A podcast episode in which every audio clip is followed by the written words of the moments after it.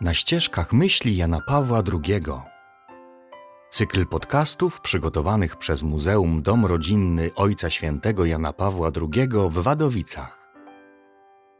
Odcinek ósmy. Opracowanie ksiądz Damian Wąsek. Tekst encykliki czyta Marcin Kobierski.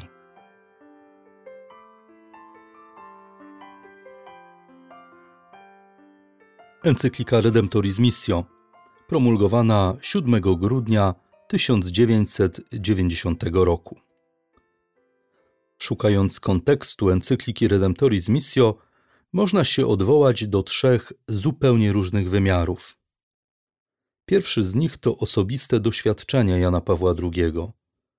Sam pisze o własnym przekonaniu do konieczności podejmowania działalności misyjnej, realizowaniu tego zadania od początku pontyfikatu. Świadectwem są jego liczne pielgrzymki do najdalszych nawet części świata, spotkania z wyznawcami różnych religii i kultur. Można więc powiedzieć, że encyklika o stałej aktualności posłania misyjnego, bo taki nosi polski tytuł, wypływa z papieskiej wrażliwości misyjnej.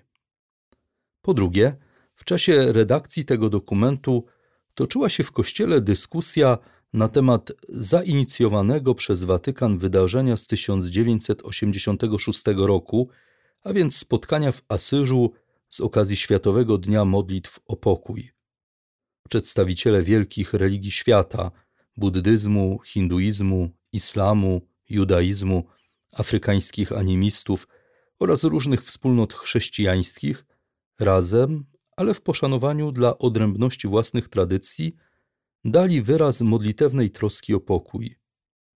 Wielu komentatorów zadawało wtedy pytanie, czy misje mają jeszcze sens, skoro zamiast do nawracania papież nawołuje do takich spotkań. I po trzecie, po trzecie na gruncie teologii akademickiej rozwijał się nurt akcentujący pluralizm religijny.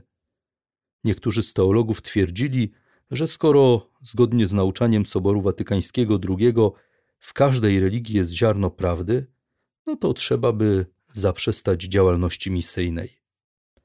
Jak widzimy, tematyka misji była aktualna, bardzo szeroko dyskutowana, więc encyklika Redemptoris Missio to ważny głos w toczącej się wtedy dyskusji. Jaka jest struktura tej encykliki? Składa się ona z ośmiu rozdziałów. Pierwszy nosi tytuł Jezus Chrystus jedynym Zbawicielem. Możemy powiedzieć, że to głos papieża w sporze o interpretację formuły poza Kościołem nie ma zbawienia. Jan Paweł II nie tylko podkreśla, że Chrystus jest jedynym Zbawicielem i zbawienie dokonuje się w Kościele, ale motywuje do podejmowania działalności misyjnej, pisząc, że skoro Ewangelia wyzwala, to działalność misyjna jest niesieniem innym prawdziwej wolności. Czytamy: Otwarcie się na miłość Chrystusa jest prawdziwym wyzwoleniem. W nim i tylko w nim zostajemy wyzwoleni od wszelkiej alienacji i zagubienia, od zniewolenia przez moce grzechu i śmierci. Sama ewangelizacja nie może nikogo wykluczać, ponieważ Chrystus jest powszechnym Zbawicielem, ale jednocześnie powinna być ona prowadzona z pełnym poszanowaniem dla wolności słuchaczy. Drugi rozdział zatytułowany jest Królestwo Boże. Można powiedzieć, że to tło teologiczne dla działalności misyjnej. Papież wskazuje na Królestwo Boże jako to, które urzeczywistniło się w pełni w Chrystusie, a jego szerzenie na ziemi jest istotą misji Kościoła. Ta narracja przedłużona jest w rozdziale trzecim, Duch Święty głównym sprawcą misji. Operując licznymi tekstami biblijnymi, Jan Paweł II wskazuje, że cały rozwój Kościoła od samych jego początków był inspirowany i prowadzony przez Ducha Świętego. On nie tylko umacniał apostołów i ich następców, on też jest źródłem ziarenek prawdy rozsianych po całym świecie, we wszystkich religiach, ponieważ działa bez ograniczeń czasowych i przestrzennych. Czwarta część to niezmierzone horyzonty misji wśród narodów. Znajdujemy w niej papieskie spojrzenie na współczesny świat w perspektywie nakazu misyjnego Kościoła. Czytamy o wielkim zróżnicowaniu społecznym i religijnym w świecie, ale i bardzo szerokim wachlarzu działań misjonarzy. Jan Paweł II zdaje sobie też sprawę z trudności w działalności misyjnej. Ciekawym elementem tego rozdziału jest wyszczególnienie kręgów misji ad gentes terytorialne, związane z tradycyjnym podziałem na kraje misyjne, nowe światy i zjawiska, skupiska miejskie związane z urbanizacją, i trzeci krąg to obszary kulturowe, czyli współczesne areopagi, wśród nich szczególnie świat środków społecznego przekazu. Piąty rozdział Misyjne drogi to spojrzenie na środki działalności misyjnej. Jako pierwszy i najważniejszy wymienione zostało świadectwo życia chrześcijan, później głoszenie Ewangelii, wzywanie do nawrócenia i chrztu oraz formowanie kościołów lokalnych. W procesie ewangelizowania ważne jest uwzględnienie kultury tych, do których niesie się dobrą nowinę, podejmowanie dialogu z wszystkimi ludźmi dobrej woli, którzy chcą dyskutować.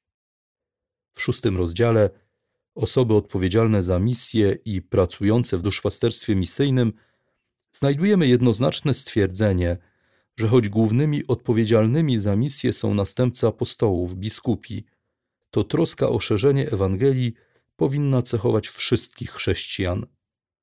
W ramach struktur misyjnych papież zwrócił uwagę na instytuty misyjne, księży, zakonników i zakonnice, katechistów i w końcu kongregacje do spraw ewangelizacji narodów.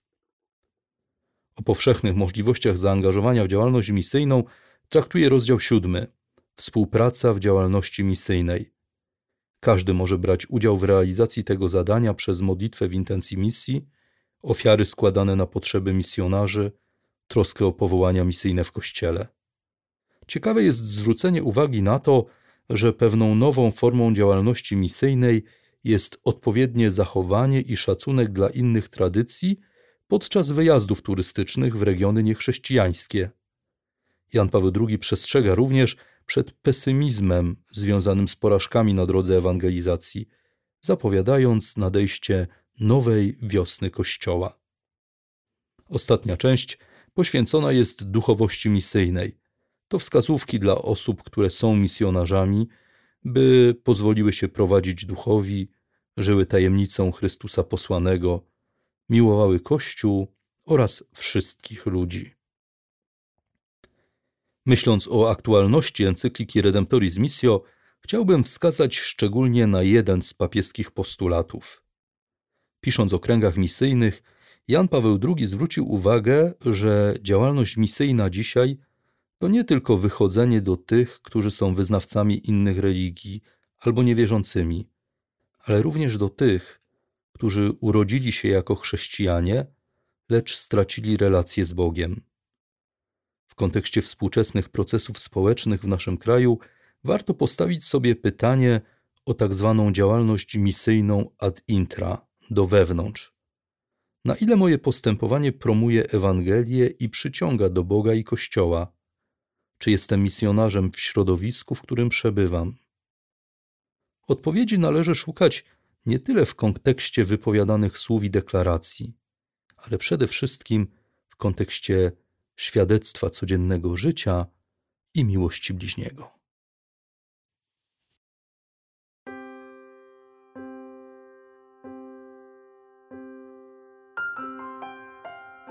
Redemptoris Missio Działalność misyjna stanowi jeszcze dziś największe wyzwanie dla Kościoła. U schyłku drugiego tysiąclecia odkupienia coraz bardziej oczywisty staje się fakt, że narody, które nie otrzymały jeszcze pierwszego przepowiadania o Chrystusie, stanowią większość ludzkości. Bilans działalności misyjnej czasów nowożytnych jest niewątpliwie pozytywny. Kościół został założony na wszystkich kontynentach, a nawet większość wiernych i kościołów lokalnych nie znajduje się dziś w starej Europie, ale na kontynentach, które misjonarze otworzyli dla wiary. Pozostaje jednak faktem, że krańce ziemi, na które należy zanieść Ewangelię, oddalają się coraz bardziej.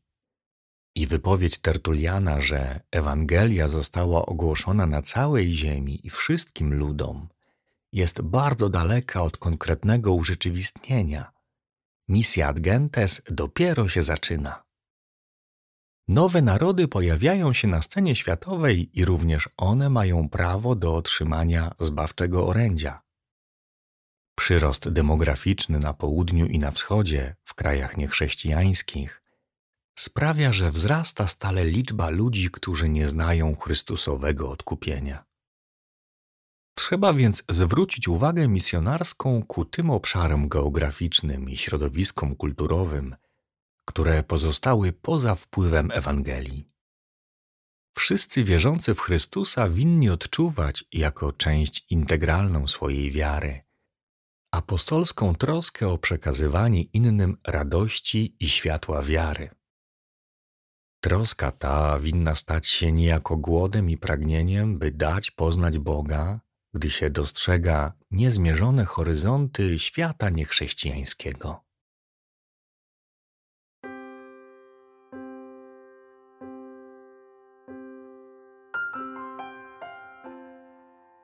Działalność misyjna polega jedynie i wyłącznie na okazaniu planu Bożego, czyli epifanii, i całkowitym jego wypełnieniu w świecie oraz w jego historii, w której Bóg przez misję jawnie realizuje historię zbawienia.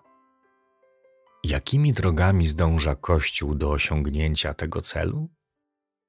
Misje są rzeczywistością stanowiącą jedną całość, ale zarazem złożoną i są spełniane na różne sposoby. Niektóre z nich posiadają szczególne znaczenie w obecnej sytuacji Kościoła i świata.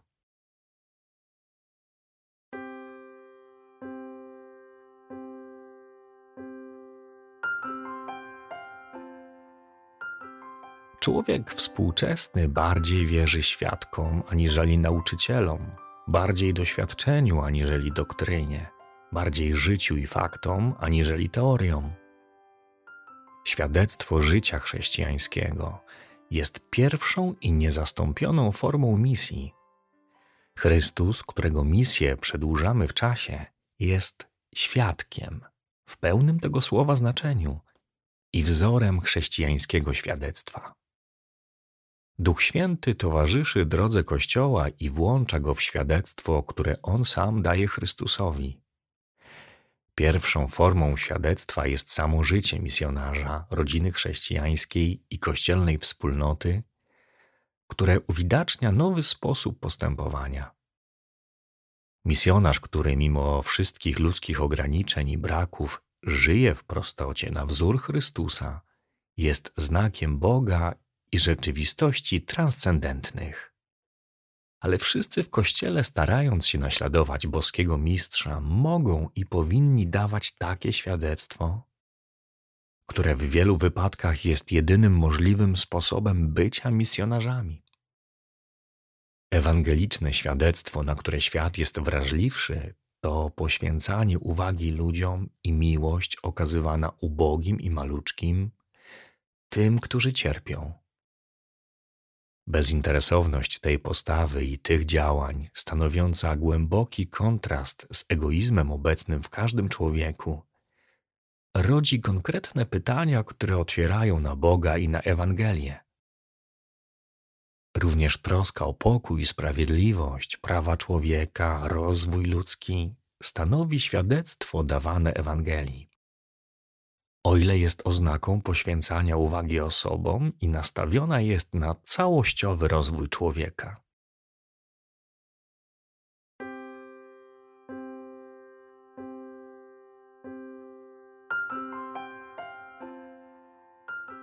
Chrześcijanin i wspólnoty chrześcijańskie żyją dogłębnie włączeni w życie poszczególnych narodów i są znakiem Ewangelii również w wierności swojej ojczyźnie, swemu narodowi, kulturze narodowej, zawsze jednak w wolności, którą przyniósł nam Chrystus. Chrześcijaństwo jest otwarte na powszechne braterstwo, gdyż wszyscy ludzie są dziećmi tego samego Ojca i braćmi w Chrystusie. Kościół wezwany jest, by dawać świadectwo Chrystusowi, zajmując odważne i profetyczne stanowisko wobec korupcji świata politycznego czy ekonomicznego, nie szukając dla siebie chwały i dóbr materialnych, używając własnych dóbr na służbę najuboższym, naśladując prostotę życia Chrystusa. Kościół i misjonarze winni także dawać świadectwo pokory, najpierw w stosunku do samych siebie, wyrażające się w umiejętności dokonywania rachunku sumienia na płaszczyźnie osobistej i wspólnotowej, by korygować we własnym postępowaniu wszystko to, co jest antyewangeliczne i zniekształca oblicze Chrystusa.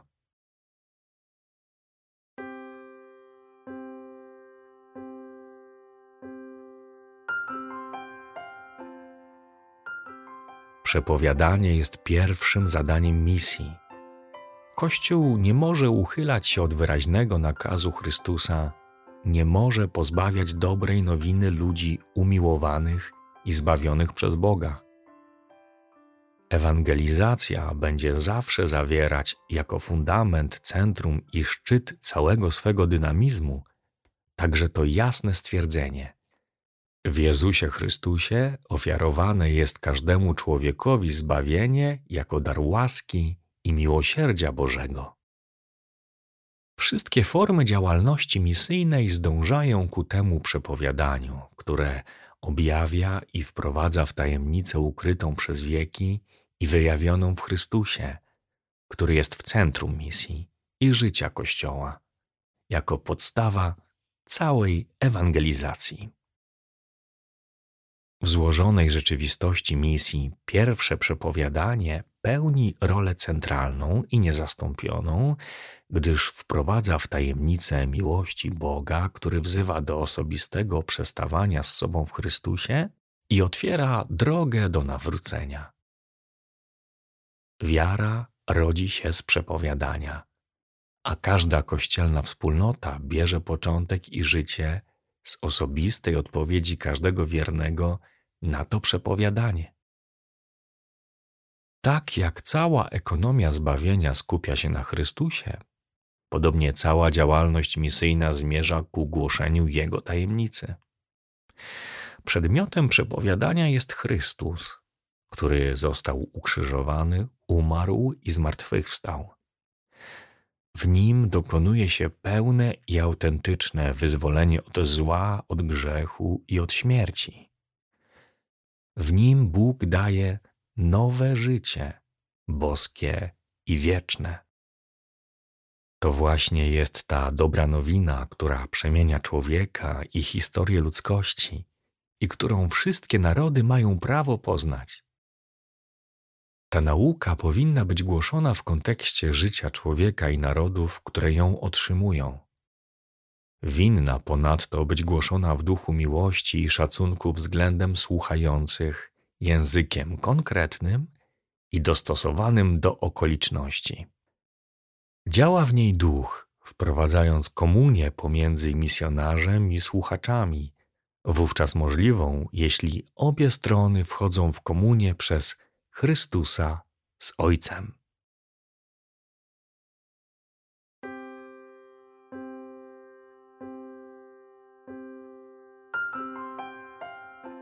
Przepowiadanie prowadzone w jedności z całą kościelną wspólnotą nie jest nigdy faktem czysto osobistym. Misjonarz jest obecny i działa mocą otrzymanego posłannictwa. I nawet jeśli jest sam, złączony jest niewidzialnymi, ale głębokimi więzami z działalnością ewangelizacyjną całego Kościoła. Słuchacze wcześniej czy później zobaczą stojącą za nim wspólnotę, która go posłała i wspiera. Przepowiadanie ożywione jest wiarą, która budzi w misjonarzu entuzjazm i żarliwość. Dzieje apostolskie, jak powiedziano wyżej, określają taką postawę słowem parezja, które oznacza głoszenie z otwartością i odwagą. Termin ten występuje również u świętego Pawła. Odważyliśmy się w Bogu naszym głosić Ewangelię Bożą Wam, pośród wielkiego utrapienia. Proście i za mnie, aby dane mi było słowo, gdy usta moje otworzę, dla jawnego i swobodnego głoszenia tajemnicy Ewangelii, dla której sprawuję poselstwo jako więzień, ażebym jawnie ją wypowiedział tak, jak winienem. Głosząc Chrystusa za sprawą Ducha Świętego niechrześcijanom, misjonarz jest przekonany, że istnieje już w jednostkach i w narodach oczekiwanie, jeśli nawet nieświadome, na poznanie prawdy o Bogu, o człowieku, o drodze do wyzwolenia z grzechu i ze śmierci. Entuzjazm głoszenia Chrystusa wypływa z przekonania, że odpowiada się na to oczekiwanie. Przeto misjonarz nie zniechęca się, nie zaprzestaje dawać świadectwa także wówczas, gdy jest wezwany do okazywania swej wiary w środowisku wrogim czy obojętnym. Wie on, że przemawia przez niego duch Ojca i może powtórzyć z apostołami: Dajemy temu świadectwo my właśnie oraz Duch Święty. Wie, że nie głosi prawdy ludzkiej, ale Słowo Boże, które ma swoją wewnętrzną i tajemniczą moc. Najwyższą próbą jest złożenie daru z życia, aż do przyjęcia śmierci, by dawać świadectwo wierze w Jezusa Chrystusa. Jak zawsze w dziejach chrześcijaństwa wielu jest męczenników, czyli świadków, i są oni niezbędni dla dzieła ewangelizacji. Również w naszej epoce bardzo liczni są biskupi, kapłani, zakonnicy i zakonnice oraz osoby świeckie, często nieznani bohaterzy, którzy oddają życie, by złożyć świadectwo wierze. Są oni głosicielami i świadkami w pełnym tego słowa znaczeniu.